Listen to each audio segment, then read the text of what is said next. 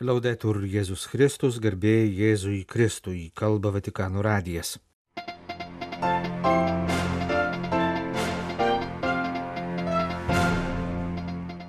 Popiežių gydantys medikai pranešė, kad penktadienį jis išleidžiamas iš ligoninės. Popiežiaus užuojauta dėl migrantų tragedijos prie Graikijos krantų. Paskelbta popiežiaus žinia pasaulinės senelių ir pagyvenusių žmonių dienos proga. Taika įmanoma, tik reikia jos trokšti, kreipėsi popiežius į Junktinių tautų saugumo tarybą. Lenkijos viskupai aukojo mišes prie Mikalojaus Koperniko kapo. Šventojo sosto delegacija dalyvaus Slovenijoje vyksiančiame Balkanų taikos forume. Taline vyksta Europos bažnyčių tarybos generalinė asamblėja. Popiežių gydantys medikai patvirtino, kad jis bus išrašytas iš ligoninės penktadienį birželio 16-ąją. Ketvirtadienį popiežius priėmė visą jį gydančio ir slaugančio ligoninės personalo komandą - gydytojus, slaugytojus, kitus darbuotojus. Po to popiežius susitiko su Italijos katalikų universiteto, kuriam priklauso Agostino Džemelį klinika, dvasiniu asistentu bei su pačios ligoninės kapelionu. Dar viena ligoninėje ketvirtadienį įvykusi audiencija buvo skirta ligoninę remiančio fondo valdybai.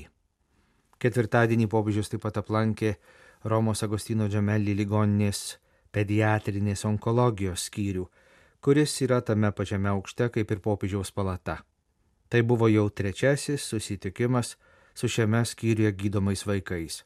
Pirmą kartą onkologinėmis lygomis sergančius vaikus Pranciškus lankė 2021 m. Liepos mėnesį, antrą šių metų kovo 31 dieną.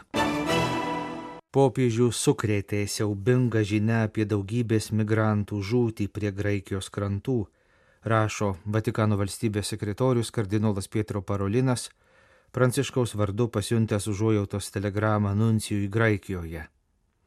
Trečiadienį nuskendusių perpildytų laivų keliavo daugiau kaip 700 imigrantų Ketvirtadienį buvo skelbiama apie 80 žuvusiųjų ir daugiau kaip šimta išgelbėtojų. Tikras aukų skaičius dar nežinomas. Popiežiaus vardu į Graikiją pasiustoje užuojautos telegramoje sakoma, kad Pranciškus karštai meldžiasi už visus žuvusiuosius ir už jų artimuosius, taip pat už tuos, kuriuos sukrėtė žinia apie šią tragediją. Popiežius meldžia Dievą stiprybės, ištvermės ir vilties išsigelbėjusiems taip pat gelbėjimo tarnybų darbuotojams. Liepos 23-ąją jau trečią kartą bus minima popiežiaus pranciškaus įvesta pasaulinė senelių ir pagyvenusių žmonių diena. Ketvirtadienį, birželio 15 dieną, Vatikane buvo pristatyta šią progą skelbiama popiežiaus pranciškaus žinia, kurios tema - Jis maloningas iš kartos į kartą. Šiemetiniai pasauliniai senelių ir pagyvenusių žmonių dienai parinkta tema - tai Magnificat gesmės žodžiai, švenčiausiosios mergelės Marijos ištarti per susitikimą su giminaitė Elsbieta. Jie mus ragina apmastyti tą palaimingą dviem skirtingoms kartoms priklausančių moterų susitikimą. Šventoji dvasia laimina ir lydi kiekvieną vaisingą susitikimą tarp skirtingų kartų, tarp senelių ir vaikaičių, tarp jaunų ir senų žmonių, rašo Pranciškus. Iš tiesų Dievas trokšta, kad kaip įvyko per Marijos susitikimą su Elsbieta, jaunimas džiugintų pagyvenusių žmonių širdis ir semtųsi išminties iš jų patirties. Tačiau visų pirma viešpats trokšta, kad vyresnio amžiaus žmonės nebūtų palikti vieni, kad nebūtų nustumiami į gyvenimo paraštę, kaip dėja šiandien per nelik dažnai atsitinka. Popiežius atkreipė dėmesį, kad netrukus po šiemetinės pasaulinės senelių ir pagyvenusių žmonių dienos Portugalijoje prasidės pasaulio jaunimo dienų renginiai. Pasak Pranciškaus, šis chronologinis dviejų švenčių artumas simboliškai išreiškia jaunų ir senų žmonių artumo svarbą. Viešpats tikisi, rašo popiežius, kad jauni žmonės, susitikdami su pagyvenusiais žmonėmis, priims kvietimą puoselėti atmintį, kad priims brangę dovaną, kokia yra priklausimas mus visus siejančiai bendrai istorijai. Kita vertus, vyresnio amžiaus žmonėms jaunų žmonių artumas teikia viltį, kad tai, ką jie patyrė, nebus prarasta ir kad jų svajonės bus įgyvendintos. Dievas nori, kad laiką suvoktume pilnatviškai. Tai yra, kad suprastume, jog svarbiausi dalykai gyvenime ir gražiausios svajonės įgyvendinami ne per vieną akimirką, bet augant ir brestant, keliaujant, kalbantis ir bendraujant su kitais. Kas susitelkia tik į save, į savo norus, kas gyvenime vadovaujasi taisyklę viskas ir dabar, tas iš tiesų nesupranta Dievo veikimo. Nes juk Dievo planas apima praeitį, dabartį ir ateitį, sujungdamas skirtingas kartas. Popiežius linki, kad pasaulinė senelių ir pagyvenusių žmonių diena būtų vilties ženklas ir patiems pagyvenusiems žmonėms ir visai bažnyčiai. Jis prašo viskupijas, parapijas, organizacijas ir bendruomenės minint šią dieną skatinti jaunų ir senų žmonių bendravimą. Jaunuolių, kurie rengėsi keliauti į Lisabonoje vyksiančias pasaulio jaunimo dienas, popiežius prašo prieš išvykstant aplankyti savo senelius, vienišus pagyvenusius žmonės. Senų žmonių popiežius prašo malda lydėti jaunimą, kuris rengėsi švęsti pasaulio jaunimo dienas. Jauni žmonės yra Dievo atsakymas į senų žmonių maldas yra vaisius to, kas buvo pasėta. Yra ženklas, kad Dievas neapleidžia savo tautos, bet visada ją gaivina šventausios dvasios išradingumu. Šventojo Sosto valstybės sekretoriato antrojo skyriaus atsakinga už santykius su valstybėmis ir tarptautinėmis organizacijomis vadovas, arkivyskupas Polas Richardas Galageris, Birželio 14 popietę Junktinių tautų organizacijos rūmose New York'e perskaitė popiežiaus Pranciškaus kalbą Junktinių tautų saugumo tarybai. Apžvelgdamas tarptautinės bendruomenės gyvenimo panoramą, popiežius savo kalboje pakartoja tai, ką jau daug kartų įvairiomis progomis yra sakęs. Išgyvename trečiąjį pasaulinį karą dalimis. Karą, kuris laikui bėgant vis labiau plečiasi. Pasaulio žmonių žvilgsniai yra nukreipti į Junktinių tautų organizaciją ir ypač į saugumo tarybą, kurios užduotis ir yra užtikrinti saugumą ir taiką pasaulyje. Nors žmonių akise šiandien saugumo taryba dažnai atrodo bejėgė ir paralyžiuota, jos darbas yra labai svarbus. Kaip tik dėl to popiežius ragina spręsti bendras problemas atsiribojant nuo ideologijų ir partikularizmų nuo šališkų vizijų bei interesų ir siekti svarbiausio tikslo - dirbti visos žmonijos labui. Šiandieninėme globalizuotame pasaulyje visi esame vis labiau tarpusavėje susiję, bet stinga brolystė, sako Pranciškus. Pragaištingiausia brolystės stygiaus pasiekmė yra karai, kurie supriešina žmonės ir tautas, o jų neigiami padariniai tęsiasi iš kartos į kartą. Kai po dviejų baisių pasaulinių karų buvo įkurta Junktinių tautų organizacija, buvo tikimasi, kad žmonija išmoko siekti stabilesnės taikos. Tačiau dėja matome, kad žmonija žengia atgal, ima viršų uždari, pikti ir agresyvūs nacionalizmai, kurie įžiebia kas kart žiauresnius konfliktus. Jei norime kurti taiką, turime atmesti teisingo karo logiką, sakoma popiežiaus kalboje. Atėjo laikas rimtai pasakyti karui ne ir įsisamoninti, kad negali būti teisingų karų, o tik taika yra teisinga, stabili ir ilgalaikė taika, grindžiama ne pavojinga atgrasimo pusiausvyrą, bet visus žmonės vienijančią brolybę. Juk mes vaikštome tą pačią žemę, visi esame broliai ir seserys vienų bendrų namų gyventojai. Dėl to negalime leisti, kad dangų, po kuriuo gyvename, dengtų nacionalizmo debesys. Štai kodėl, stengiantis kurti taiką, visų pirma reikia skatinti brolybę. Tai darbas, kuriam reikia aistros ir kantrybės, patirties ir išvalgumo, atkaklumo ir atsidavimo, dialogo ir diplomatijos, o svarbiausia įsiklausimo. Reikia įsiklausyti į nuo konfliktų kenčiančių žmonių, ypač vaikų šauksmą. Popiežius yra tvirtai įsitikinęs, kad taika yra įmanoma, jei jos tikrai norime. Dar nevėlu imtis rašyti naują taikos istorijos skyrių. Žmonija gali padaryti, kad karas priklausytų praeičiai, o ne ateičiai. Arkivyskupo Galagerio Junktinių tautų saugumo taryboje perskaityta popiežiaus kalba baigiama dar kartą primintų žodžiu brolybė. Šis žodis negali likti abstrakčia idėja, bet turi tapti atspirties tašku konkretiems veiksmams. Popiežių sukrėtė siaubinga žinia apie daugybės migrantų žūtį prie Graikijos krantų, rašo Vatikano valstybės sekretorius kardinolas Pietro Parolinas, Pranciškaus vardu pasiuntęs užuojautos telegramą nuncijui Graikijoje. Trečiadienį nuskendusių perpildytų laivų keliavo daugiau kaip 700 imigrantų. Ketvirtadienį buvo skelbiama apie 80 žuvusiųjų ir daugiau kaip 100 išgelbėtųjų. Tikras aukų skaičius dar nežinomas. Popiežiaus vardu į Graikiją pasiustoje užuojautos telegramoje sakoma, kad Pranciškus karštai meldžiasi už visus žuvusiuosius ir už jų artimuosius, taip pat už tuos, kuriuos sukrėtė žinia apie šią tragediją.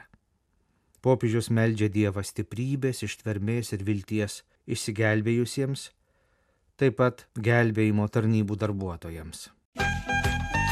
Jūs klausotės Vatikano radio tęsinę programą. Slovenijos uostamiestyje Koperėje birželio 17-18 dienomis rengiamame religijų forume už dialogą ir taiką Balkanuose dalyvaus aukšto rango šventojo sosto delegacija. Slovenijos viskupų konferencija pranešė, kad forume, į kurį kviečiami krikščionių, ortodoksų, musulmonų, žydų ir evangelikų atstovai, dalyvaus kardinolo Pietro Parolino Vatikano valstybės sekretoriaus vadovaujama šventojo sosto delegacija. Tarp religinis susitikimas rengiamas taikai ir dialogui Balkanuose sustiprinti. Forumo tema Ramybė tau Europą, ramybė jums Balkanai. Tarptautinėme, regioninėme, tarp religinėme susitikime laukiami taip pat politiniai lyderiai, įskaitant Slovenijos valstybės vadovę Natašą Pirkmusar. Forumo debatai įvyks buvusio Koperio pranciškonų vienuolyno Pranciškaus Asižiečio salėje. Apie 25 religijų atstovai dalysis mintimis apie regiono problemas ir viltį žadinančius taikos ženklus. Katalikams atstovaus Šventojo sosto delegacija ir Balkanų regiono kraštų katalikų lyderiai, įskaitant vyskupus iš Slovenijos, Bosnijos Hercegovinos, Kroatijos, Rumunijos ir Turkijos. Birželio 14 Estijos sostinėje Taline prasidėjo ir iki Birželio 20-osios tęsis Europos bažnyčių tarybos generalinė asamblėja, sukviečiama kas penkerius metus. Jos leitmotyvas kviečia su Dievo palaiminimu kurti ateitį. Generalinė asamblėja globoja Estijos bažnyčių tarybos ir Europos bažnyčių tarybos narės - Estijos liuteronų bažnyčia ir Estijos ortodoksų bažnyčia.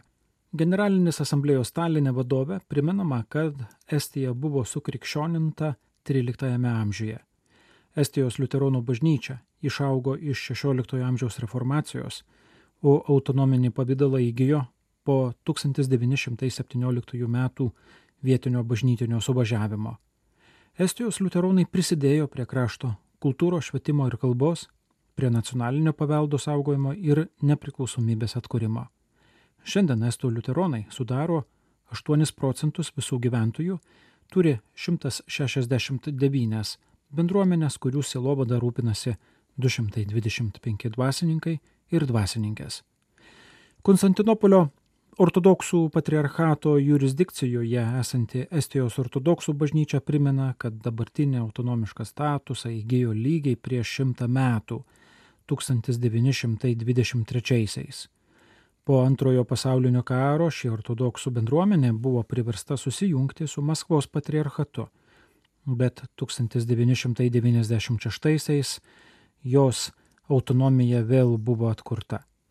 Taline buvo laukiami apie 300 delegatų iš 40 Europos kraštų, taip pat svečiai iš Konstantinopolio patriarchato, metodistų bažnyčios, išganimo armijos, Europos baptistų ir Rusijos evangelikų atstovai. Primenama, kad pačią Europos bažnyčių tarybą sudaro 113 bažnyčių, bažnytinių asociacijų, bendruomenių ir organizacijų. Tarybos nare yra ir Lietuvos evangelikų liuteronų bažnyčia. 1959-aisiais įkurtos tarybos iniciatorių dėmesio centre buvo ne vien krikščioniška vienybė, bet ir žmonių bei tautų suartėjimas po karo. Vėliau taryba natūraliai įgyjo kitų uždavinių, kaip kad stebėti ar atstovauti savo nares ES institucijose. Jos centrinė būstinė yra Briuselėje. Europos bažnyčių tarybos sesijos aprieps daug temų, įskaitant karą Ukrainoje. Tam bus skirta Birželio 18 dienos popietė.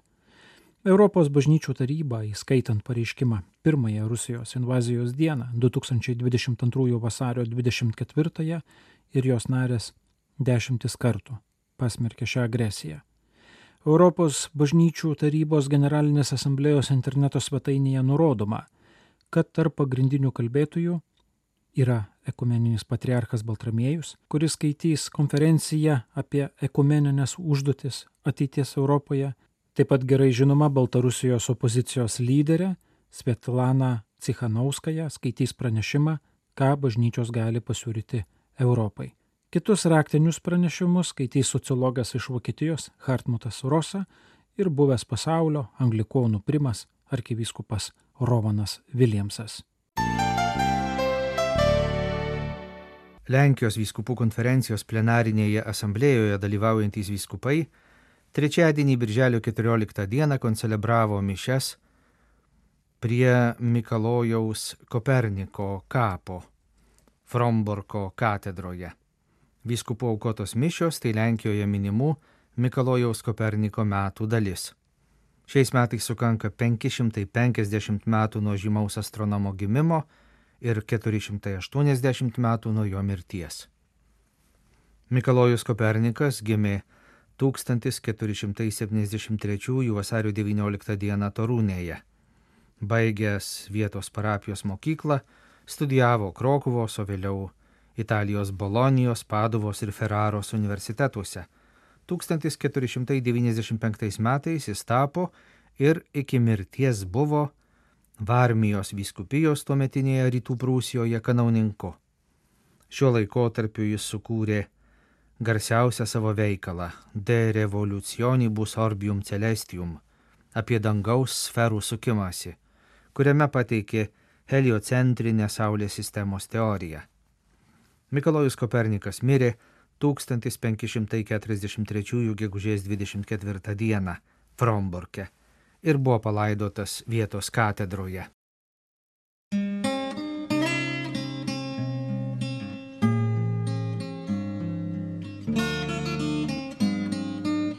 Kalba Vatikano radijas. Laidą lietuvių kalba baigėme.